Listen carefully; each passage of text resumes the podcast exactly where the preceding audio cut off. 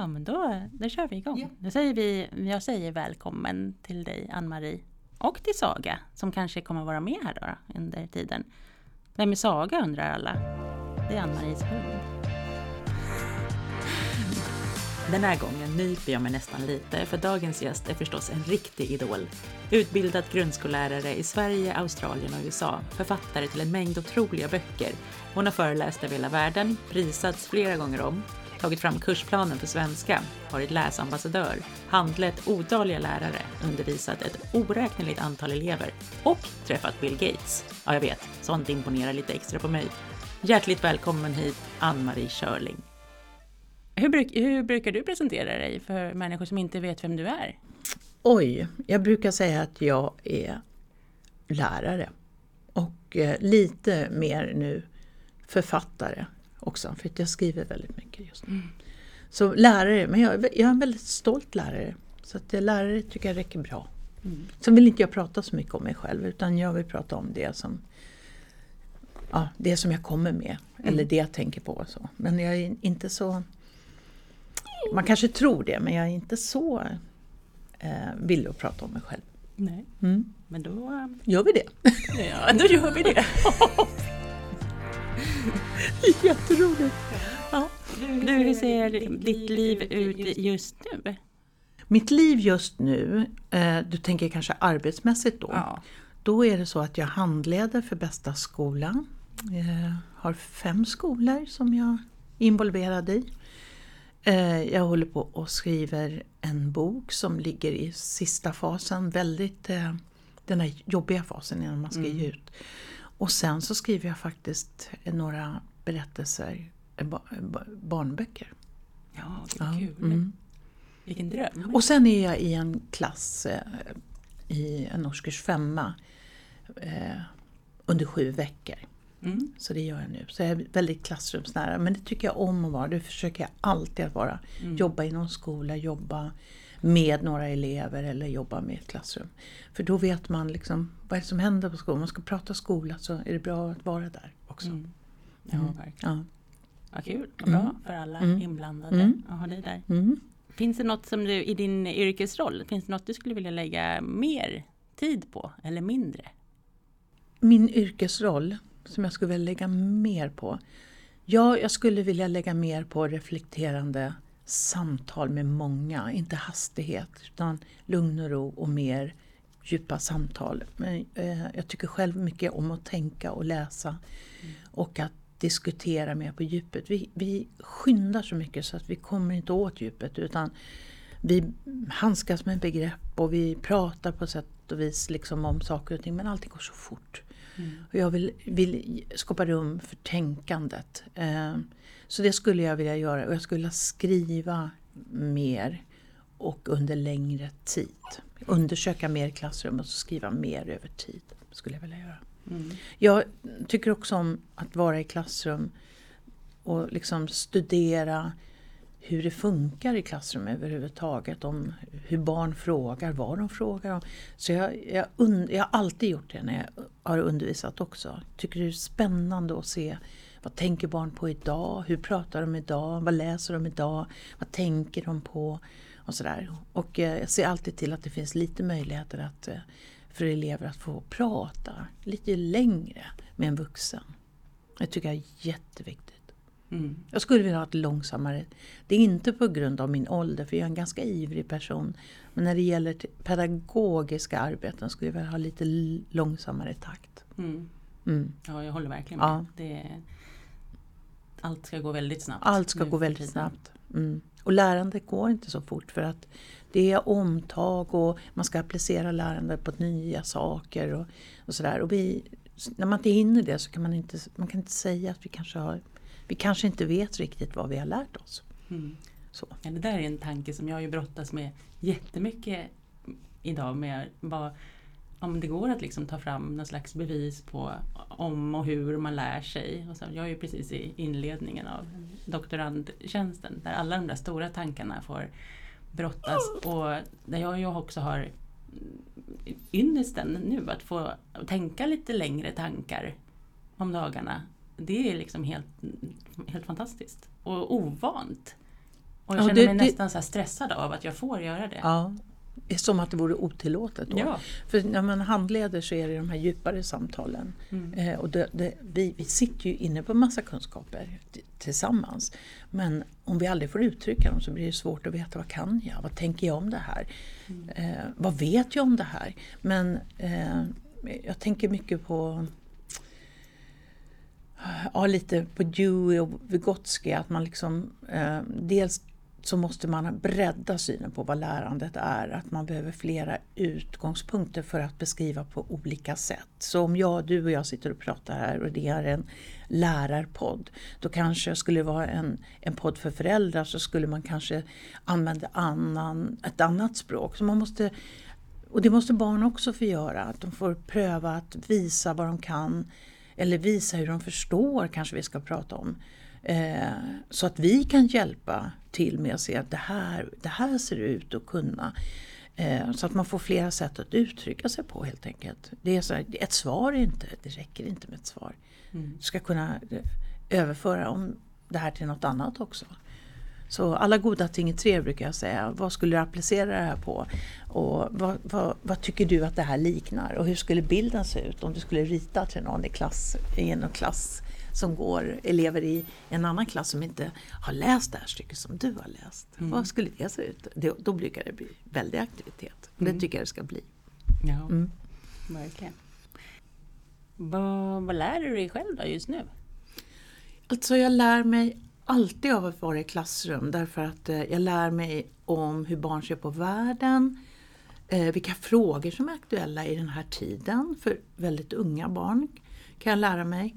Eh, jag lär mig också hur interaktionerna ser ut mellan barn och varför den ser ut och att vad, vad barn är engagerade i för frågor. Och ibland blir jag så paff. Alltså, vänta nu, sitter jag här och diskuterar de här frågorna med, med de här barnen och jag gör inte ens det med vuxna. Det här är ju intressant. Liksom. Eh, men sen eh, att lära sig, det, jag, jag tycker om att fördjupa mig i saker och ting. Och det tänker jag att man kan fördjupa sig i allting. Även om man tycker att det här är, kan jag väl tillräckligt. Finns det alltid en dimension man inte kan. Och den tycker jag är spännande att utforska. Och det gör man ju exempelvis när man skriver. Så är det ju det man utforskar. För att man gör omtagelser. Vad, vad vill jag skriva egentligen nu då? Med det här. Eh, så att försöka gå lite djupare ner i saker utan att göra det farligt. Mm. Det vill jag göra. Det är så jag lär mig. Mm. Ja, det var min nästa fråga. Hur du lär dig bäst, men det svarar du ju på. Ja, men jag lär mig bäst det också om jag får sova gott. Ja.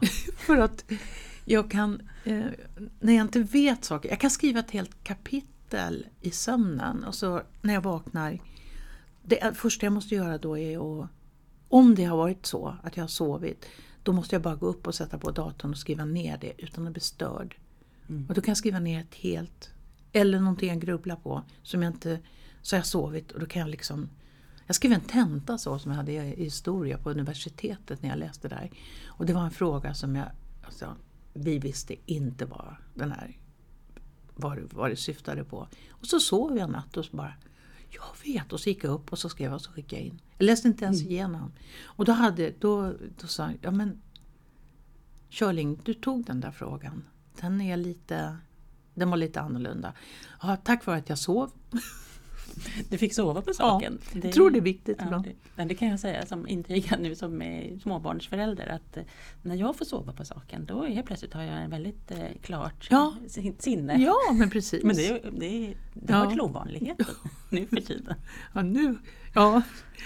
Åh, jag förstår Ja. hur det är. Jag längtar till den dagen när jag Ja. kan gå upp på morgonen och tänka att Åh, nu ska jag skriva ner det här. För Mm. Morgnarna nu är lite annorlunda Ja. kan man säga. Men man, allting har sin tid. Ja. Och, och, och det man vill, det, det kommer fram vid andra tillfällen. Ja. Så. Men jag har en väldig förmåga att stänga av. Ja. Stänga av lite för att tänka. Eh, det är jag bra på att göra också i klassrummet. Jag kan stänga av två minuter och bara, vad händer här nu? Och titta lite. Det har jag alltid gjort. Och sen skriver jag ner vad, jag, vad var det jag såg. Jaha, just det, de var ju jätteengagerade. Vad fick de engagerade? Och så börjar jag peta lite i allt sånt där. Mm. Så tycker jag, det, det gör att, att jag kan utveckla undervisningen och kontakten med eleverna. Och den tror jag är jätteviktig. Men nu är jag inne på min profession igen. Mm. Mm. Men vilken bra förmåga också att kunna stänga av tanken lite grann ibland. För jag tycker att det ibland är ju ett så här virrvarr. Särskilt ja. när jag ska försöka observera saker, försöka vara i nuet ja. och ta in ja. att det springer på. Tanken, det är det där med att det går snabbt. Allting går väldigt snabbt. Det tror man inte, men läraryrke, jag brukar tänka så här, det är som att vara ute och fiska. Och så kastar man ut liksom, och så ser man att det är 27 stycken som hanterar det där betet på något vis. Mm. Men de gör det så olika. Någon är liksom, ute och kollar på något annat och kommer in. Och då brukar jag tänka att det är en väldig röra när man kommer med en undervisning. Det blir rörigt för läraren men det blir inte rörigt för eleverna. För de håller på med sitt lärande. Så det gäller att vara trygg med det att nu, de diskuterar ju här, pratar och funderar. Och jag måste släppa lite av kontrollen för att lärandet är igång. Det vad jag kan göra det är att vila lite och gå runt och vara nyfiken. Vad pratar ni om? Berätta. Vad kommer ni fram till? Och det tycker jag är någonting som lärare ska försöka släppa det här att hela tiden vara utgivare av någonting utan vara delaktiga tillsammans med eleverna. Det tror jag är jätteviktigt. Mm. Så jag var nyfiken. Mm. Vad, vad hände nu? Vad tänkte ni om det här? Ah, hur, hur, förstod ni det här? Hur förstod ni min fråga? Det är också jätteroliga frågor. Mm. Man kan bli väldigt... lära sig ja. väldigt mycket. Ja, det är ju verkligen tjusningen mm. med lärar, läraryrket. Um, du, du har ju en sån här skattkammarskalle. Mm. Med massa fina... För det första så, eller ska jag bara säga till, till folk som inte vet det, så har ju du en väldigt fin blogg, hemsida på Körlings ord. Mm. Den mm. adressen till och med, mm. ja, mm. .se. Mm. Där det finns, där det finns en flik som mm. är han, där är massa härliga, härliga citat från din skattkammarskalle. Ja. Och jag valde ut några, det var jättesvårt att välja. Aha. Jag ville ju bara prata om alla men så tänkte jag att det finns en tidsgräns också. Eh, men jag tänkte på till exempel att, det, att du har skrivit eh, Barn lär sig alltid, elever verkar inte göra det. Jaha, det, eh, exakt. Ja, barn lär, sig, men barn lär sig alltid, men då tänker jag att barn, de är ju också elever. Men när vi, vi vill så gärna att elever lär sig det vi vill att de ska lära sig. Det vi vill att de ska lära sig. Men även om de inte lär sig det så lär de sig hela tiden. Som barn lär sig de, barn lär sig oavbrutet. De lär sig bra saker, de lär sig dåliga saker, de reser på sig, börjar gå, de börjar prata, de utforskar, de ut och lär sig oavbrutet. Jag, med det där uttrycket menar jag att skolan ser för snävt på barnet. Utan vi ser eleven och som elev ska eleven lära sig det här. Och när jag är ute, som nu gör jag en insats, då eh, ser jag liksom barnets lärande och de konflikter som blir när det lärandet inte korresponderar med skolans lärande. Alltså eleven kan inte släppa ett innehåll som eleven kanske har fått av läraren men läraren vill gå vidare. Och då är det ju bar, då är det här barnet inte, inte färdig med den här frågan. Det här barnet. Men som elev har den här eleven slutat fungera i relation till lärarens vilja och lärarens innehåll. Istället för att man tänker så här, men nu har jag fått barn att bli intresserade eh, av något. Och att de på, i olika takt kommer att vilja fortsätta med det här. Eh, och då kan man, då, och det här är bara ett sätt att organisera för elever har både rättigheter och skyldigheter och rättigheterna och skyldigheterna kommer med planen. Ni ska få lära er det här i skolan. Men um, de, de lär sig hela tiden. Det går inte att stanna upp ett lärande. Det betyder också att de lär sig saker vi inte vill att de ska lära sig. De lär sig som, som den förälder som i min första klass, det är ju jättelänge sedan, men han kom och så sa han eh, han tyckte det var roligt, hans första barn hade börjat skolan och så på rasterna hade det där barnet lärt sig jättemycket fula ord. Och så frågade han så här, Eh, ing, han skämtade, ingår det i kursplanen? Nej, det gör det inte. Men barn möter barn. Ja, jag förstår det, jag tänkte så. Men alltså, vill, vad pratar de om? Ja, men det är alltid intressant. Vad pratar barn om? Och vad behöver vi göra när vi vet det? Och då nu är det lite disciplinärt då, men liksom, det finns andra saker som barn undrar över och frågar om. Och frågvisa barn, jag har också skrivit, de utbildar sig själva i den bemärkelsen att de frågar sig fram. Hur vet du det? Hur, hur vet man det här? De är så frågvisa. Och i skolan är det knäpptyst, det är ingen som frågar. Så jag antecknar alltid elevfrågor. Vilka frågor ställer de? Och idag hörde jag var en, en elev i årskurs 5 som frågade jag, jag, Grejen är, pinnen på D, skriver man den först eller skriver man magen först? Och då är det så här, det är som öppning. Ja, jag vet, man måste pröva. Ja. Det är så automatiserat för oss, men för barn är det fortfarande en fråga. Och jag tänker så här, om jag, om jag då förhåller mig så här, det borde du väl veta, du, har väl, du går ju femte klass. Då har jag avfärdat möjligheten. Mm. Men om jag ser det här barnet som ställer sina frågor, då kan jag gå in och bli den här liksom, samtalspartnern. Och vi satt sen, den här elevens fråga blev, det var jättemånga elever som skrev liksom hade fel handfattning, fel pennföring och sådär och tyckte det var krångligt att skriva B och D. Och då började de prata en liten stund om det, vilket ledde till att alla sen började skriva magen först och pinnen sen. Mm. Men grejen är att om jag då skulle få fråga vad ska du undervisa om idag? Jo, jag ska undervisa om pinnen på D. Då skulle det bli helt, what? Vad är det? Men om man är lite så här lyhörd för elevers frågor så ställer de ofta större frågor än det undervisningen är. Som den lilla killen i årskurs 1 som säger så här. Han säger så här. Eh, läraren undervisar om vattnets kretslopp. Och han gör så här till sin kompis. Du, så, vattnets kretslopp. Eh, om jag sätter på kranen, när, jag, när det rinner vatten i min kran hemma, är det också vattnets kretslopp? Och då tittar hon. Ja, det, jag tror det. Jag tror att det är vattnets kretslopp, för jag vet inte de är ju med i undervisningen, men de, vi får deras språk och deras funderingar istället för att vi styr allting. Och det är det jag menar med barnet lär sig alltid och eleven kanske inte alltid. Mm. Så det är väldigt, jag skulle kunna utveckla det ännu mer tror jag. Men jag som har, jag har en fem, snart ja. sexåring ja. hemma. Ja. ska ju börja skolan nästa ja. höst. Mm. Och jag ser fram emot det men jag är också så här jag vill så gärna att han ska vara kvar i den här nyfikenheten ja. och alla frågorna ja. han har. Och liksom jag ser ju precis det som du beskriver. Så jag är också lite, lite orolig, ja. så här, föräldrahjärtat i mig. Men också läraren i mig som tänker att så här, det där måste du, du måste värna det där och jag hoppas att du får någon som kan lyfta, lyfta dig vidare där. Jag tror att jag lär, lärde mig mest om lärande när jag själv fick barn. Ja. Att, och se det på så nära håll.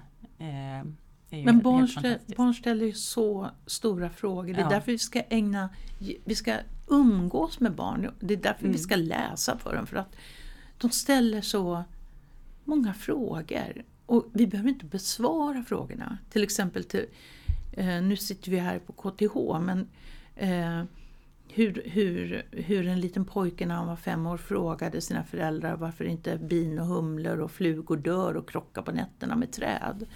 Som sen blev eh, professor i insektsögon. Mm. Och det, den utbildningen, eh, den, hans fråga har utbildat honom, alltså den driver på. Mm. Och därför ska man inte svara bara. Utan man kan säga så här, det där var en bra fråga oj vad jag får tänka. Mm. För då vet vi att vi delar aktiviteten att tänka.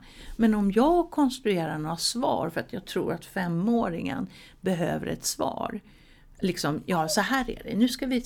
Och så hittar jag på någonting. Mm. Så har jag missat möjligheten att faktiskt aktivera och hålla liv i tankar. Så att jag är väldigt så här, det där var en väldigt bra tanke. Och så jag har haft femåringar som har blivit sexåringar så säger de så här, har du tänkt färdigt? Nej, det har jag inte. Och det har jag faktiskt inte gjort då. Men det är spännande. Så. Mm. Men barn ställer väldigt stora frågor. Alltså roliga frågor. Ja, Ja. Jag tänkte på det när jag skrev, jag skrev Mm. ett, ett Instagram-inlägg när Mm. jag hade tittat på Pippi tillsammans Mm. med min son. Ja. Eh, och han älskar ju henne. Och Ja. när, men när hon eh, när hon frågar, eller när läraren frågar henne vad blir 7 plus Ja. 5? Och då säger hon, men vet du inte det själv? Ja, jo, jo det vet jag, det blir 12. Ja, men varför frågar du det Ja? Och det, ja. har, det säger också Alex här, ja, men Ja, varför frågade hon det? Det visste hon ju. Och det, och det där, I det inlägget så kom jag in på det som bland annat du också har skrivit om. Det här med feta frågor. Ja. Jag tycker det, men barn ställer ju feta frågor oftare än Ja. och vi ställer väldigt exakta frågor. Men grejen är att beroende på, frågorna ska ju ställas beroende på liksom, vilken kommunikation vi vill skapa hos barnet. Och är det så att vi vill ha 2 plus 2 är 4. Nu är det ju så, 2 Mm. plus 2 är 4. Mm. Men man kan säga, hur, kom vi fram, hur har människor kommit fram till det? Då har du ju gjort en stor fråga av en. Mm. För det är 4, 2 plus 2 är 4. Men hur vet man det? Och det ställde jag till femmorna, hur vet man det här? Och de bara, jag vet inte hur man vet det här. Ja, men någon har ju räknat ut det här, listat ut det här. Hur kom de på det? Och då började de berätta. Mm. Ja, men de kanske satt och... Och det enda de kunde komma på som var en liknelse, det var det här eh, äpplet som faller ner på ett täll.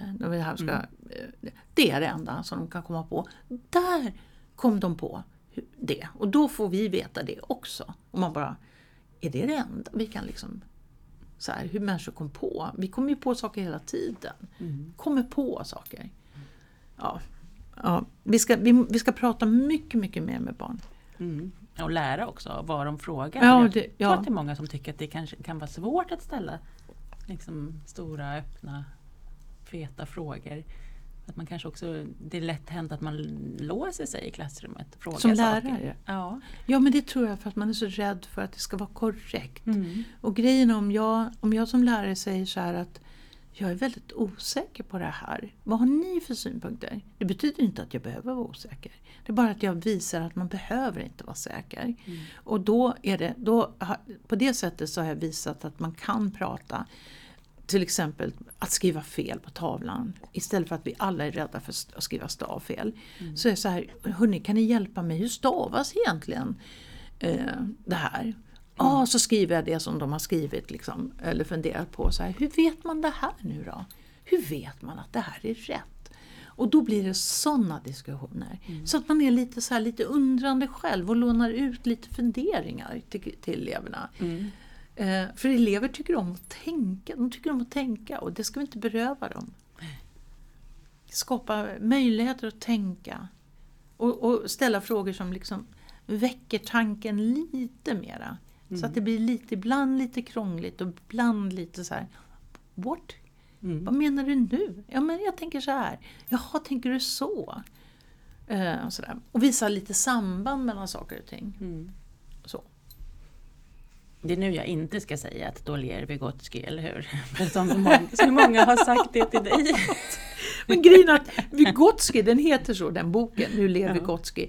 Men jag har ju alltid någon där inne, ja men nu ler, eh, nu ler Dewey. Mm.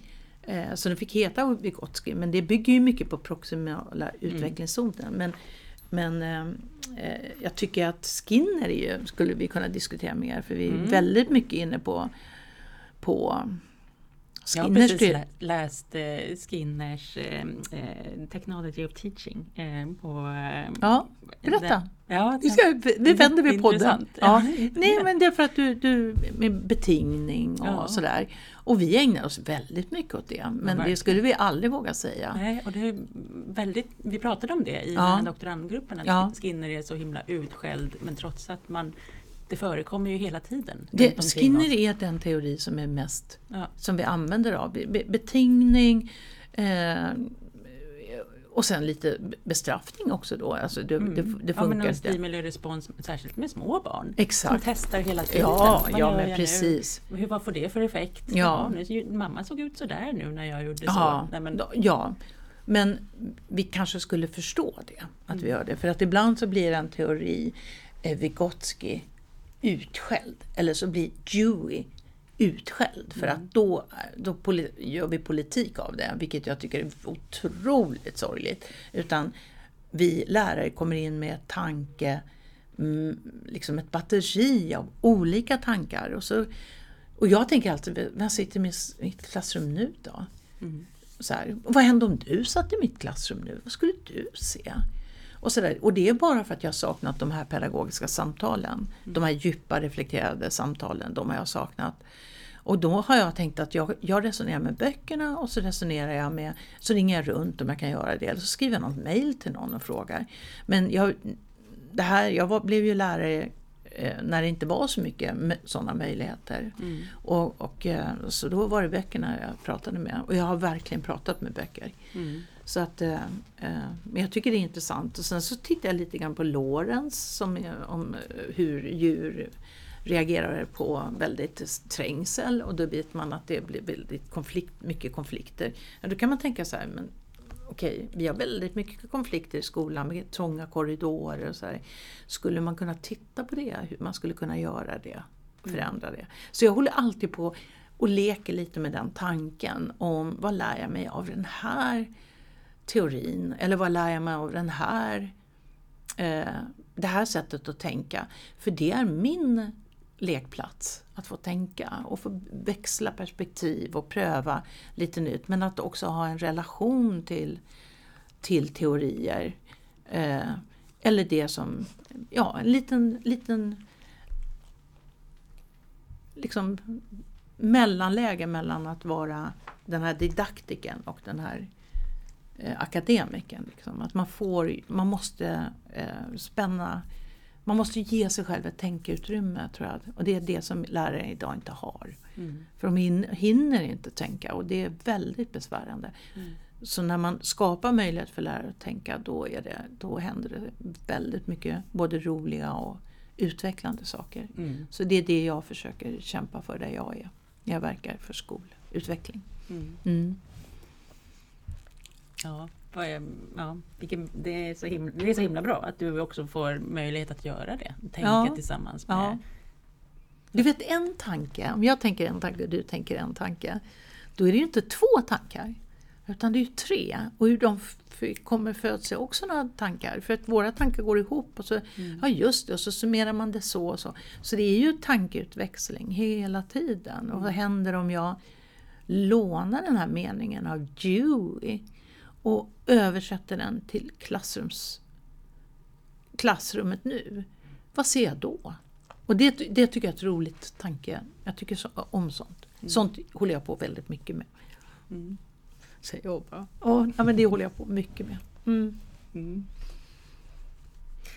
Ja, vad, det här med att lärande delvis handlar om att befinna sig i något obekvämt.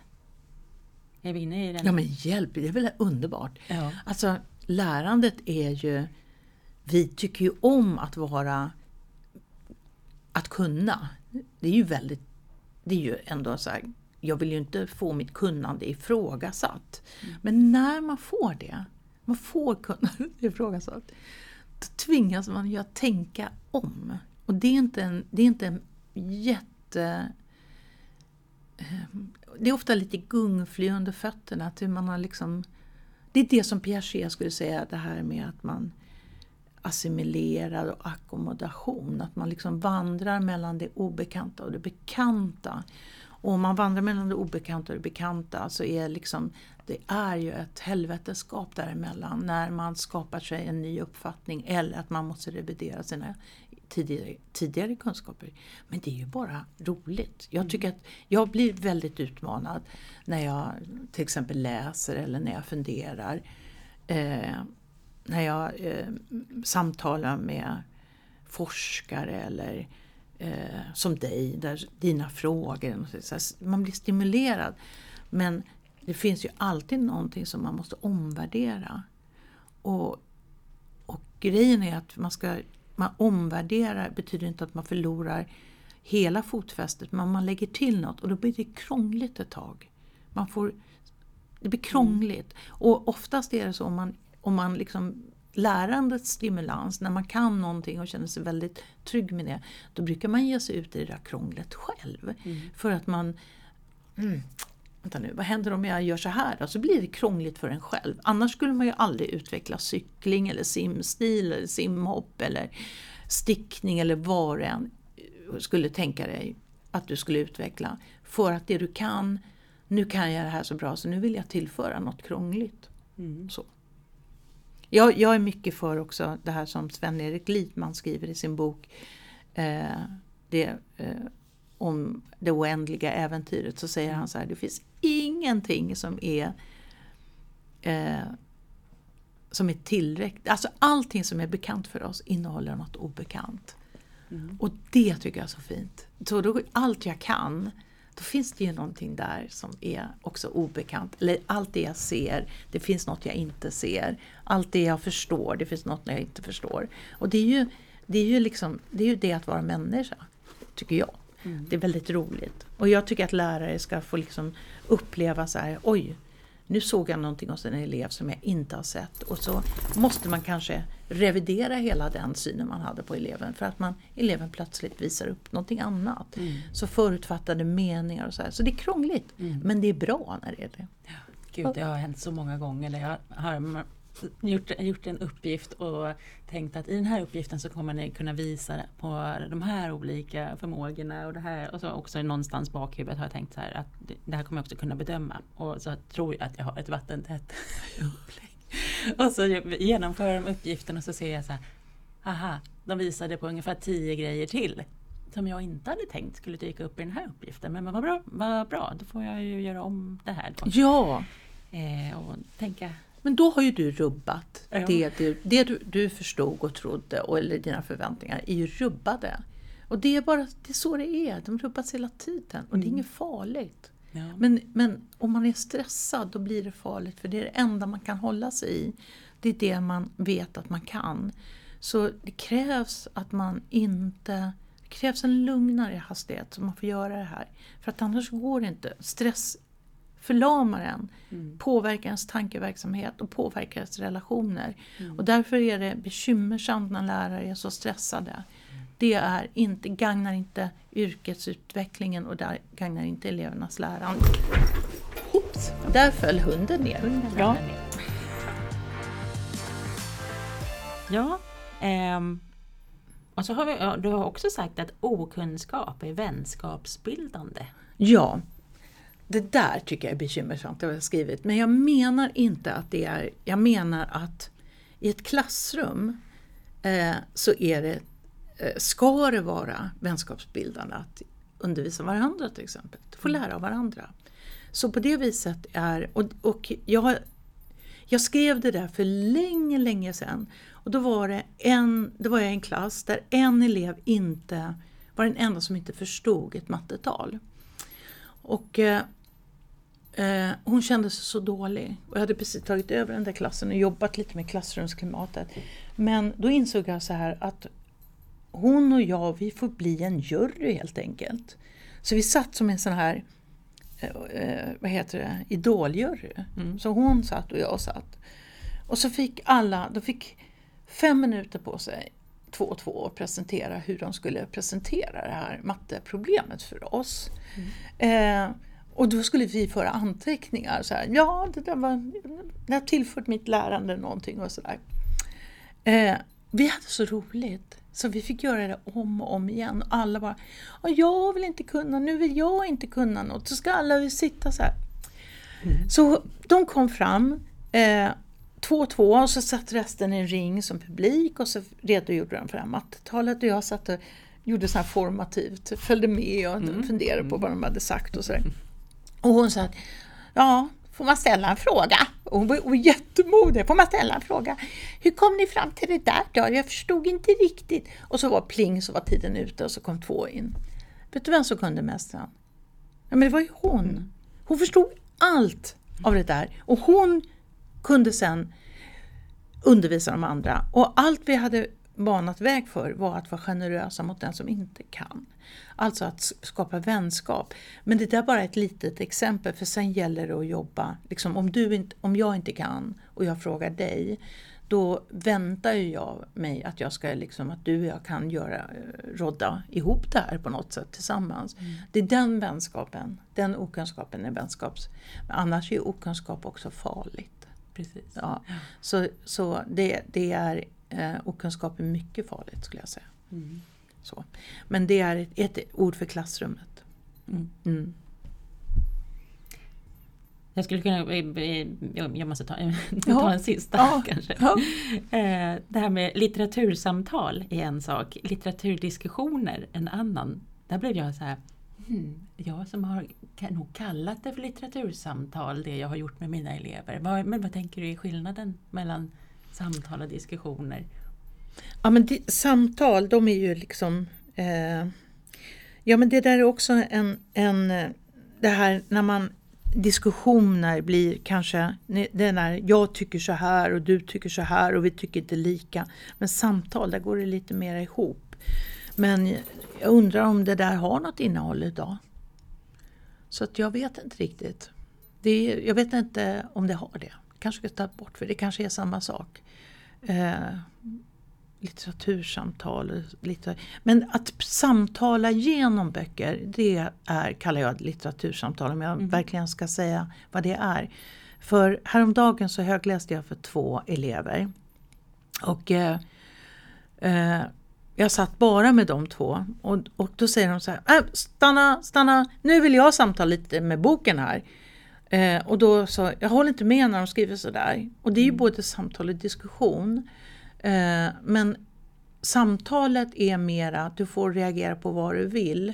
Medan diskussionsunderlag som man ger i skolan, de är, de är orienterade mot en viss sak som man ska diskutera. Mm. Men eleverna diskuterar eller samtalar om vad som helst. Mm. Och det var, eh, när jag gjorde det med eleverna så upptäckte jag att de, eh, de stannade vid saker som inte jag stannade upp vid.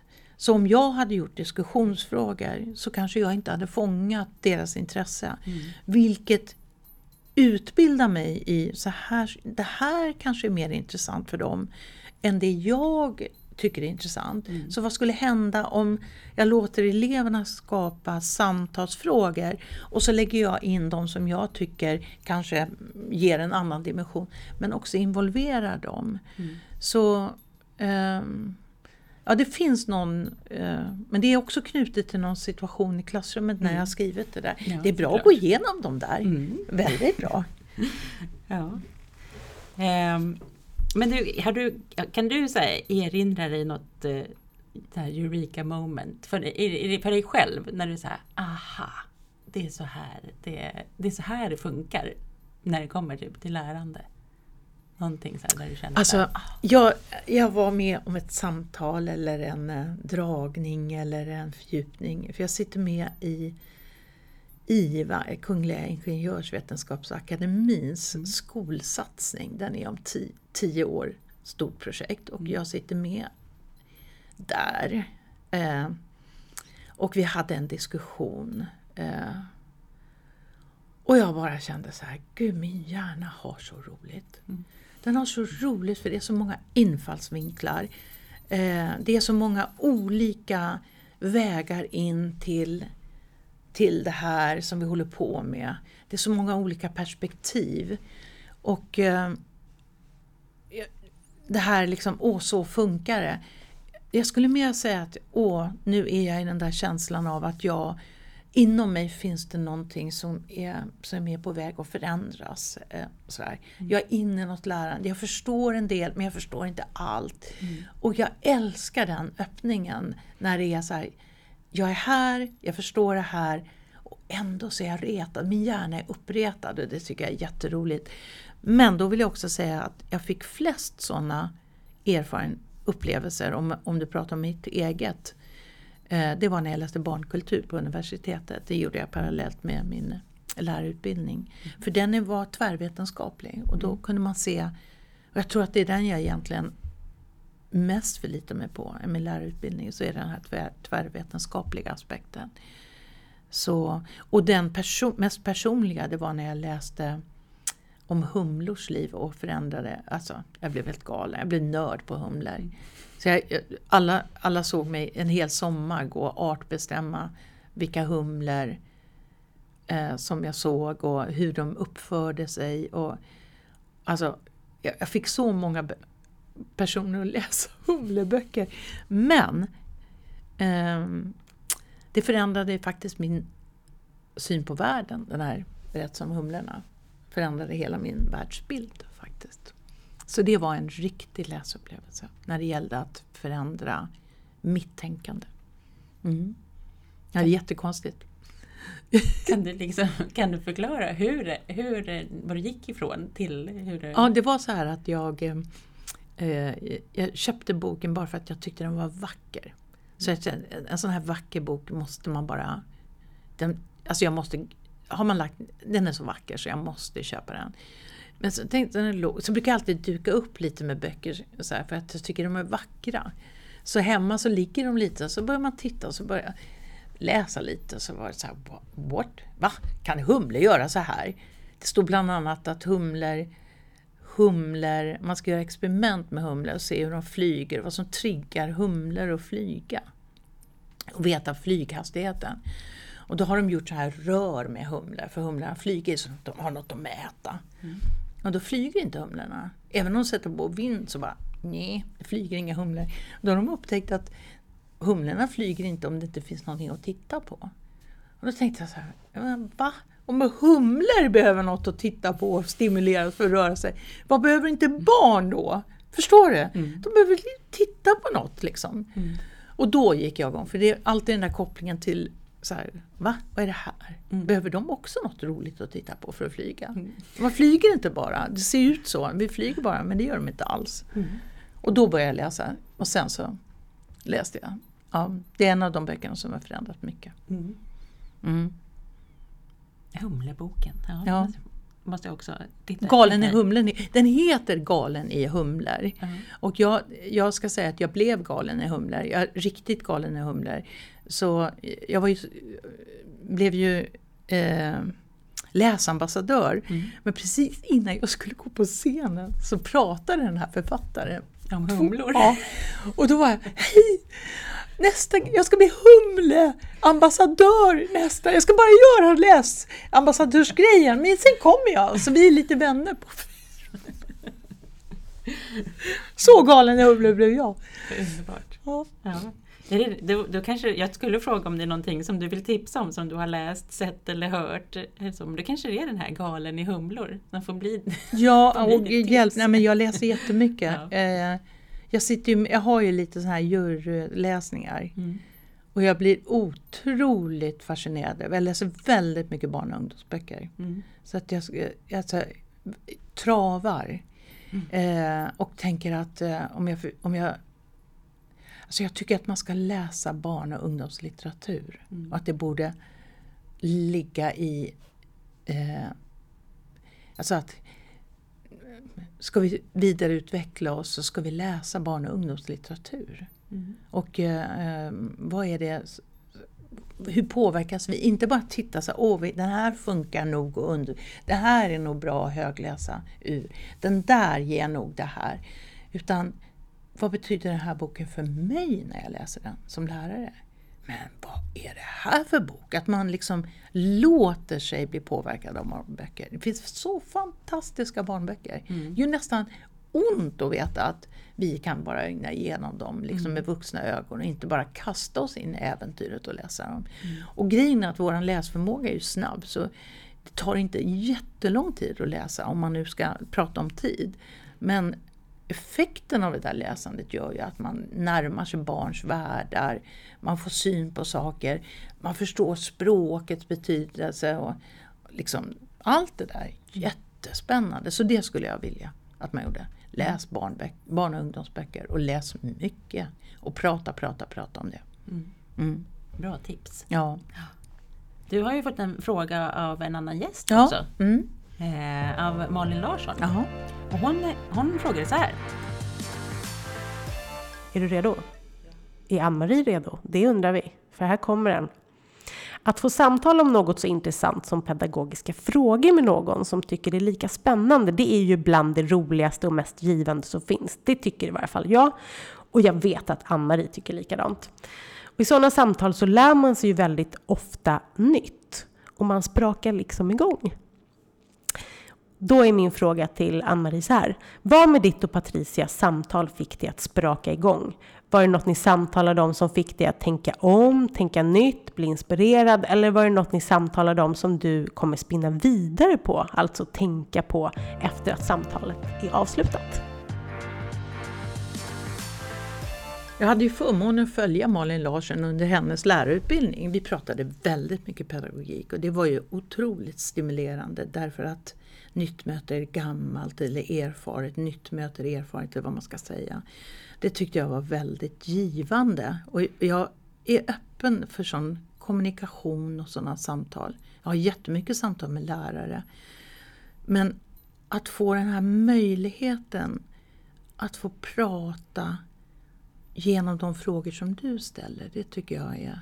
Det, jag visste ju inte vad jag skulle svara på. Jag, visste, jag är inte förberedd på vilka frågor du ställer. Mm. Så du skapar ju liksom lite så här Jaha, så här tänker jag nu om det här. Det är ju jättespännande. Men också att du lyssnar som du gör. Och jag tror ju att lyssnandet föder, föder någonting. Att man lyssnar på varandra, att man lyssnar noggrant. Mm. Och eftersom du har bjudit in mig att prata här, om jag inte skulle få möta ditt intresse för det jag säger, dina ögon och ditt leende och din aktivitet som du visar mig nu, så skulle ju samtalet inte bli så mycket. Så det är ju, du är ju en, en tyst kommunikatör med mig, men en mycket, mycket viktig sån. Och det tänker jag alltid på när det gäller barn, att vi liksom lyssnar länge. Lyssnar på dem så att de får utveckla sina tankar. Och det gäller ju för alla vuxna också, att det inte går fort fram. Och så, mm. Utan att vi bejakar lyssnandet. Och det har du gjort och därför kan jag berätta. Det hade jag inte kunnat annars. Så. Vad fint! Mm.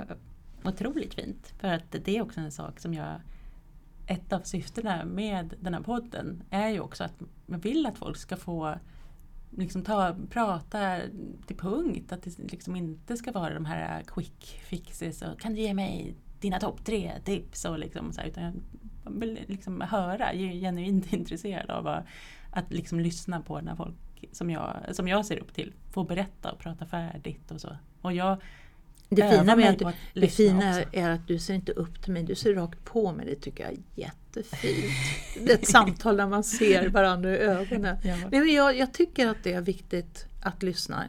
Nu har jag fått prata mycket men jag är inte så pratsam tillsammans med barn. Jag är väldigt så här, jag, jag leder genom att vara fåordig men väldigt närvarande. Mm. Så jag är väldigt noga med vad det är som jag visar engagemang för och liksom, att du behöver inte gå igång på allting som barn sätter igång en med. Utan man kan lyssna och tänka. Och att man inte överger barn när de berättar. Mm. Så. Och jag har så bråttom, jag har så bråttom. Så här.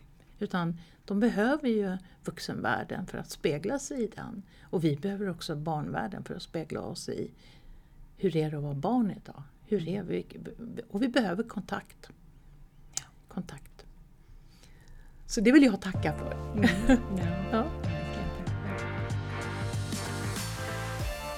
ja. men finns det någonting som, som jag, så här, ibland, ibland, vissa gör ju så här, låter eleverna formulera sista frågan i, typ, på provet eller i en text. Ja, precis. jag glömde fråga om det här. Jag glömde fråga om det, oj. Något som, nu har vi ju vi skulle kunna sitta och prata, vi kommer ju stänga av mickarna ja, men snart. Digital, vi, är ju, vi är ju en digital värld med Corona. Mm. Och jag skulle gärna vilja berätta att jag har blivit mormor. Och den, denna, mitt barnbarn bor i Skottland så jag har inte sett, jag har ju inte träffat henne. Men vi eh, möts på Facetime mm. Två, tre gånger om dagen. Mm. Och nu har mitt barnbarn, hon känner igen mig, hon känner igen min röst och hon är fyra och en halv månad. Mm. Och hon ler mot mig. Och första gången hon log så var det så här, vänta ler hon åt mm. mobilen mm. eller ler hon åt mig? Men nu ler hon åt mig. Mm. Och då tänker jag att vi har så mycket möjligheter digitalt. Eh, även om jag kanske är mera hand och penna. Så här, men just att det här att det finns möjligheter i en digital tid Mm. att faktiskt etablera kontakter eh, och stabila sådana Mm. eh, med nära och kära. Och eftersom vi lever i en, en eh, pandemi just nu så är det för mig så här, jag tycker inte att jag har missat mitt barnbarn utan jag tycker att jag har fått vara del av det mitt barnbarn hela, under hela processen, vilket jag tycker har varit jätteroligt. Och nu möts våra ögon via en liten mobilskärm och vi ler mot varandra. Och då tänker jag så här, ja vad fint! Så det skulle jag gärna vilja berätta eller avsluta med, att den möjligheten finns. Ja. Vad fint. Ja. Vilket fantastiskt fint avslut. Ja, tack. Tusen tack Ann-Marie Ja. för att du var med Ja, idag. tack för att jag fick vara med. Tack så mycket. Och tack till dig som har lyssnat. Böckerna som Ann-Marie arbetade med vid inspelningstillfället är nu publicerade. Den ena heter Från stavfel till stavrätt genom bokstäver, ord och litteratur. Och den andra är barnboken Nödig som min treåring älskade. Tills vi hörs nästa gång hittar ni mig som vanligt i sociala medier som patriciadias.se eller på min hemsida med samma adress. Ha det fint tills dess!